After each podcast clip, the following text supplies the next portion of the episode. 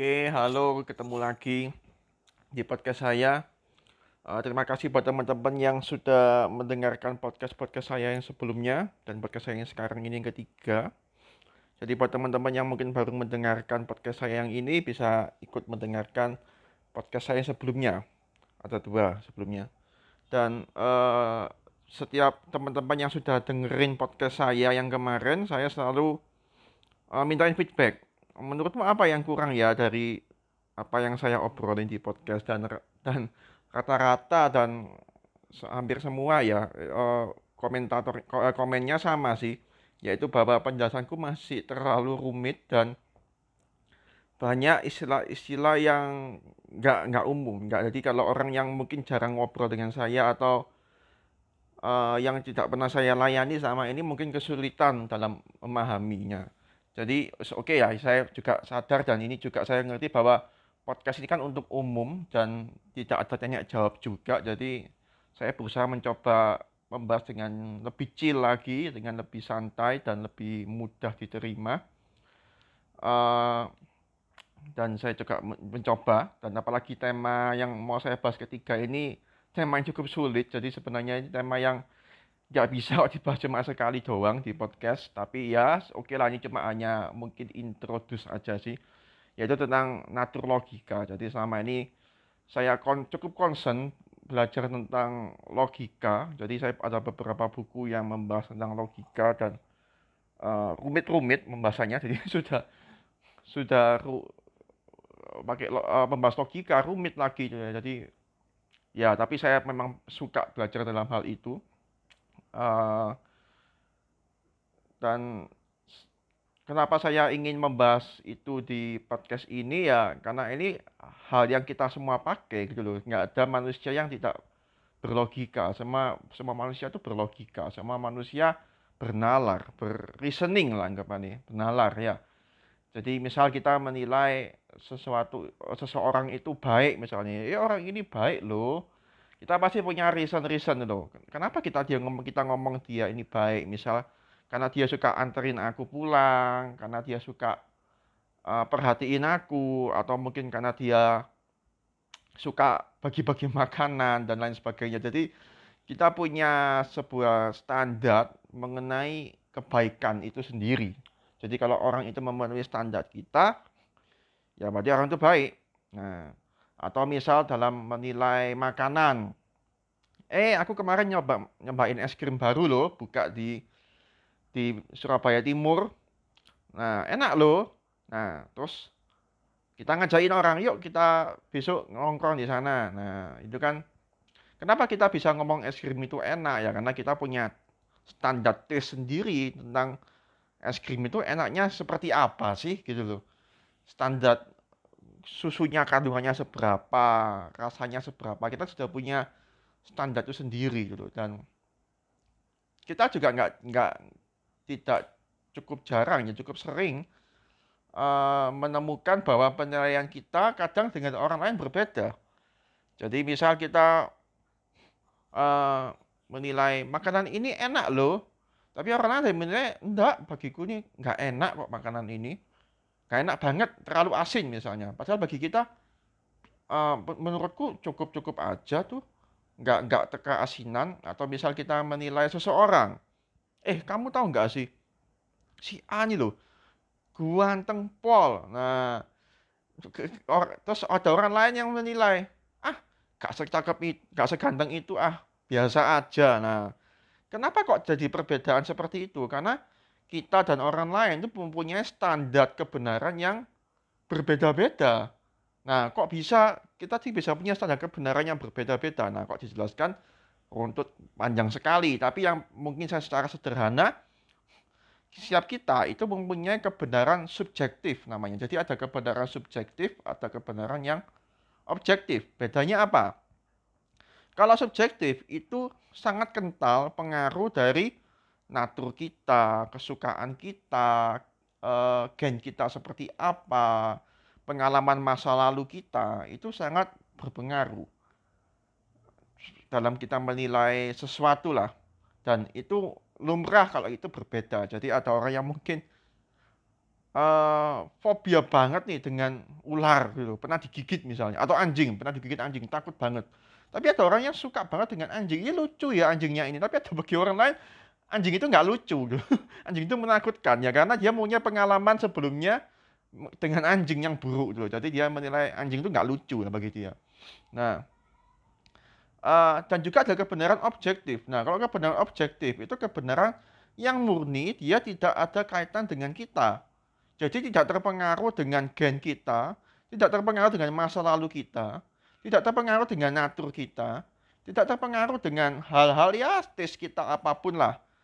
Untuk menjelaskan sesuatu itu baik, buruk, enak, nggak enak, uh, good or bad, dan lain sebagainya. Jadi itu terlepas dari kita. Nah, oke ya sampai sini saya rasa harusnya mengerti lah ya tentang perbedaan subjektif dan objektif. Nah, tapi kenapa enggak kita tuh berpikir dulu dalam penilaian kita yang subjektif. Mengapa sih kita tuh menilai sesuatu itu baik? Mengapa sih kita tuh menilai sesuatu itu indah? Mengapa kita bilang si A itu cantik dan si B itu tidak cantik? Dan kenapa kita bisa menilai uh, seseorang itu kadang-kadang ada orang atau saya cuma cukup melihat aja kita saya bisa menilai orang ini ini orang yang jujur atau nggak jujur. Nah, padahal baru ketemu beberapa menit, tapi orang ada orang yang bisa menilai seperti itu. Nah, apakah penilaian-penilaian itu benar ya? Sebenarnya penilaian subjektif itu tidak selalu salah dan juga tidak selalu benar. Jadi terkadang bisa benar, terkadang juga bisa salah karena namanya subjektif gitu. Jadi relatif gitu. Nah, tetapi kebenaran subjektif itu tetap harus di pertanggungjawabkan. Jadi dipertanggungjawabkan itu dalam artian ada dasar, ada suatu groundnya ini apa, gitu loh. Jadi misal ya mungkin seperti kita menilai prinsip hidup misalnya, kesuksesan misalnya. Nah ada orang yang kalau kita bisa cari di YouTube ya, kita ketik apa itu kesuksesan. Saya yakin pasti banyak muncul sekali penjelasan-penjelasan dari berbagai orang, berbagai instansi dan berbagai latar belakang muncul banget banyak banget apa itu kesuksesan apa itu kesuksesan bagi saya kesuksesan adalah ini ini tuh nah mungkin contoh saya kasih contoh ya. Mungkin ada yang bilang kesuksesan itu kalau saya sebelum umur 30 bisa punya rumah sendiri mobil pribadi terus punya, sudah berkeluarga dan punya anak dan pekerjaan yang settle. Nah itu definisi kesuksesan bagi orang A misalnya. Tetapi bagi orang B beda lagi. Bagi dia kesuksesan itu saat kita bisa menjadi berkat buat orang lain. Nah, kemarin saya dengar sebuah kisah seorang penginjil Kristen, dia cewek, dia orang Indonesia dan lama tinggal di Australia, lalu dia uh, beberapa tahun yang lalu kembali ke Indonesia dan dia melihat realita kemiskinan yang begitu banyak dan dia tersentuh untuk uh, membantu anak-anak jalanan ini dan lain sebagainya untuk diberikan pendidikan secara gratis, makan gratis, edukasi yang benar dan disumbang dengan dana untuk bersekolah dan sebagainya. Dan dia menjalankan itu hingga sampai sekarang kurang lebih 4000 lebih orang yang sudah dia berkati dan layani gitu. Dia memberikan sebuah yayasan. Jadi lewat yayasan itu dia bekerja. Dan bagi dia itu adalah kesuksesan. Jadi bisa dia bisa menjadi berkat buat orang lain ya dia bisa memberikan tenaganya, uangnya, pengorbanannya untuk orang lain. Itu bagi dia kesuksesan. Itu bagi orang jenis B misalnya. Atau orang jenis C ada lagi. Uh, bagi dia kesuksesan itu, adalah saat saya bisa punya tubuh yang sehat. Nah, ada kan orang yang mati-matian nge-gym, makan sehat, dan lain sebagainya untuk supaya apa? Supaya saya bisa hidup sehat nih. Saya nggak mau sakit-sakitan. Karena kalau saya sakit, berarti saya gagal dalam uh, kehidupan saya. Nah, ada orang yang seperti itu dan lain dan banyak sekali definisi kesuksesan bagi setiap orang dan semua itu apakah murni salah atau benar? Sebenarnya kalau dibilang murni salah bagi saya enggak juga ya karena contoh orang C tadi yang ingin uh, sehat sebagai definisi kesuksesannya bagi saya nggak ada yang salah dengan kesehatan. Ya yang salah itu sakit. Pasti orang gak ada orang yang mau sakit lah ya. Meskipun orang tidak punya definisi kesuksesan itu. Tapi nggak ada orang yang berdoa misalnya Tuhan berikanlah saya sakit penyakit. Gitu ya. Saya kira nggak ada gitu ya. Kecuali kalau memang dia mungkin ada sesuatu hal yang bagi dia kesakitan itu bisa membuat dia mendekat dengan tuannya nggak tahu lagi ya. Tapi kalau bagi saya secara umum sih orang nggak mau sakit ini yang pertama. Atau mungkin yang definisi kedua uh, saya bisa menjadi berkat buat orang lain. Ada beberapa orang yang mungkin definisi kesuksesannya dia bukan seperti itu tetapi dia setuju juga kok dengan itu dia ingin jadi berkat juga buat orang lain meskipun dia mungkin hidupnya egois tapi saat dia menjadi berkat pun dia pasti suka gitu. saya yakin itu dan orang yang punya definisi kesuksesan itu adalah dalam bentuk materi. Nah, tapi jika dia bisa menjadi sukses juga dalam hal rohani, bisa menjadi inspirasi bagi orang lain, saya rasa pasti dia juga ikut senang. Nggak mungkin dia menolak dengan hal itu. Jadi, uh, semua orang memiliki, mungkin lebih tepatnya memiliki tendensi, ya, tendensi le lebih ke mana. Jadi dia menaruh kesuksesan itu lebih ke ke mana. Kalau Alkitab bilang itu, hartamu di mana? Ya di situ hatimu berada. Jadi hartamu tuh yang bagimu yang paling penting, yang paling harus kamu perjuangkan tuh di mana? Otomatis pasti hatimu ada di sana. Jadi kalau bagimu hartamu itu adalah kekayaanmu, pasti hatimu pada kekayaanmu. Kalau hartamu itu pada kesehatanmu, pasti hatimu mati-matian untuk menjaga kesehatanmu, konsen banget di situ.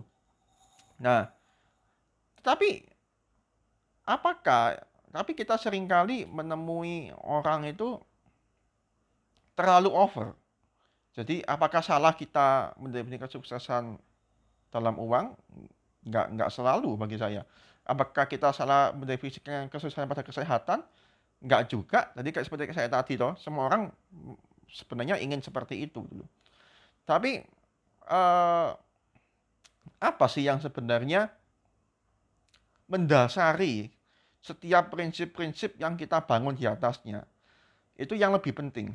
Jadi natur atau ground of logic kita atau natur logika kita itu sangat penting. Jadi itu uh, entah apa pun yang kamu bangun di atasnya, selama natur logikamu salah, itu sebenarnya apa yang kamu bangun pun juga ikut salah. Jadi selama natur of logic, logikmu ini asal ataupun miring ataupun apa pun, maka yang kamu bangun di atasnya sebaik apa pun pasti dia juga ikut miring.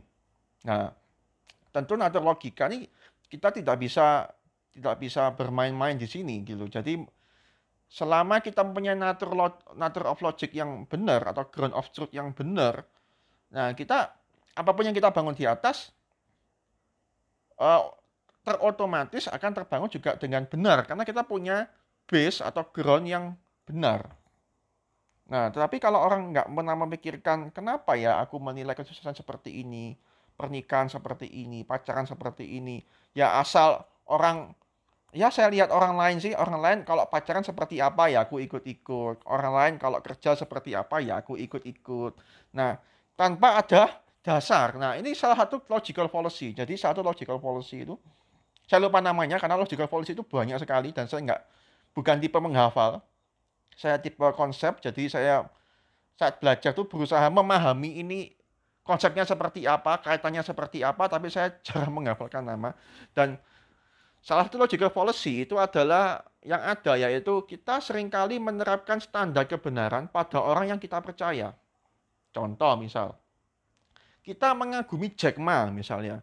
Nah, kagum banget Jack Ma ini keren tuh bagi saya. Nah, misal gitu, ya Jack Ma memang keren gitu loh, memang keren lah, dia sukses gitu dalam pekerjaannya membangun Alibaba. Nah, uh, terus Jack Ma kan orang besar dulu kan pasti kan di apa sering diwawancara, mengisi seminar dan lain sebagainya dan dia mem mem memberikan banyak sekali prinsip-prinsip hidupnya, prinsip-prinsip dalamnya bekerja dan lain sebagainya dalam mungkin pernikahannya dia, dalam mendidik anak apa pun lah. Nah, karena kita ini ngefans banget sama Jack Ma nih, kita mau pelajari nih. Orang ini prinsipnya ini seperti apa sih? Nah, biasanya kalau orang mengagumi seperti itu, apa pun yang dikatakan oleh Jack Ma itu pasti didengar dia dan dilakukan. Tanpa harus memikirkan ulang. Bener nggak sih apa yang diomongin Jack Ma ini? Nah, apa apa nggak salah? Gimana kalau yang sebaliknya? Nah, kita nggak pernah memikirkan hal seperti itu karena kita sudah terlalu mengidolakan nih Jack Ma nih, orang sukses, orang besar nih ya, pasti omongannya ya bener semua. Ketimbang dengan omongannya Andreas ya, siapa Andreas gitu. Nah, dengerin Jack Ma ini lebih lebih berbobot ini ya. Ya aku lakuin semua lah supaya aku karena aku pengen jadi seperti Jack Ma. Nah, kayak gitu. Nah, jadi satu logical policy adalah kita tuh menaruh dasar kebenaran kita pada orang lain. Atau yang buruknya dasar kebenaran kita pada diri kita sendiri. Itu yang salah. Nah, kenapa kok saya bilang salah? Karena yang pertama, manusia tidak bisa dijadikan dasar dari kebenaran. Sekali lagi saya ulangi, manusia tidak bisa dijadikan dasar kebenaran. Kenapa manusia tidak bisa dijadikan dasar kebenaran? Karena pertama, manusia selalu, eh sorry, bukan selalu, manusia bisa salah. Adakah dalam hidup kita yang pernah mendengarkan, ya yang mendengarkan podcast saya ini yang nggak pernah salah dalam hidupnya? Selalu benar. Semua langkah hidupnya selalu benar saya rasa pasti saya nggak ada ya. Kalau misalnya ada tuh saya pengen kenal dengan orang itu ya, pengen belajar gimana caranya hidup tuh nggak pernah salah. Dan ya saya rasa pasti nggak ada. Semua orang pasti pernah mengalami kesalahan gitu. Dan yang kedua, manusia ini terbatas. Manusia ini tidak maha tahu, manusia ini tidak maha kuasa. Ya mungkin yang lebih concern dalam hal ini yang tidak maha tahu ya. Dari tahu dari mana kita tidak, tidak maha tahu? Ya karena kita cuma bisa meramal saya sering kali air ini kan sering hujan. Saya selalu ngikuti BMKG ini. Uh, hari ini hujan enggak ya di BMKG ramalannya? Oh hujan. Waduh, saya sudah siap-siap ini. Nah, ternyata waktu sorenya ternyata enggak hujan. Jadi kan manusia cuma bisa meramal, tapi tidak maha tahu, tidak pasti. Jadi pengertiannya akan masa depan itu tidak pasti. Itu itu uh, satu bentuk dari manusia itu tidak maha tahu, hanya meramal. Kayak gitu. Dan yang ketiga dalam kekristenan, manusia itu sudah berdosa. Keinginan manusia itu selalu ingin melakukan hal yang buruk, melakukan hal yang jahat. Ya, mungkin kita bisa refleksikan hidup kita dulu. Kita tahu kok itu tuh salah, tapi kita pengen banget melakukan hal itu. Kita tahu kok nggak boleh gini, tapi ya kita tetap lakukan karena mungkin alasan kita ya gimana lagi gitu loh. Gimana lagi? Aku butuh dan lain sebagainya dan sebagainya dan jadi manusia pun uh, sudah berdosa. Jadi keinginannya sudah untuk berdosa, bukan untuk melakukan hal kebenaran atau untuk Tuhan. Jadi manusia pemikirannya tidak bisa dijadikan sebagai dasar dari kebenaran. Nah, lalu apa ini dasar kebenaran yang bisa kita pakai? Ya, yang pasti yaitu subjektivitas kebenaran itu sendiri, yaitu siapa? Yaitu Tuhan. Nah, kita tahu dari mana subjektivitas Tuhan itu seperti apa ya? Kita baca dari firman Tuhan. Firman Tuhan ngomong apa sih tentang bekerja, tentang pacaran, tentang pernikahan, tentang jati diri, gambar diri, dan lain sebagainya. Kita harus kembali lagi kepada Alkitab. Dan dalam Alkitab pun kita bisa masih terjebak dalam subjektivitas. Oleh karena itu kita butuh bantuan dari Tuhan. Kita harus berdoa supaya pikiran kita, natur al kita makin hari makin dibenarkan, makin diluruskan sesuai dengan kebenaran yang sejati, yaitu kebenaran yang dari Tuhan. Wah, ayat subjektif ini dasarnya dari Tuhan. Karena ayat ini kan anu uh, orang Kristen taat ini, teis, anggapannya teis ya, orang yang percaya akan adanya Tuhan. Nah, bagi saya oke, okay, bagi menurutmu subjektif. Memang setiap kita menilai sesuatu itu pasti ada sisi subjektifnya.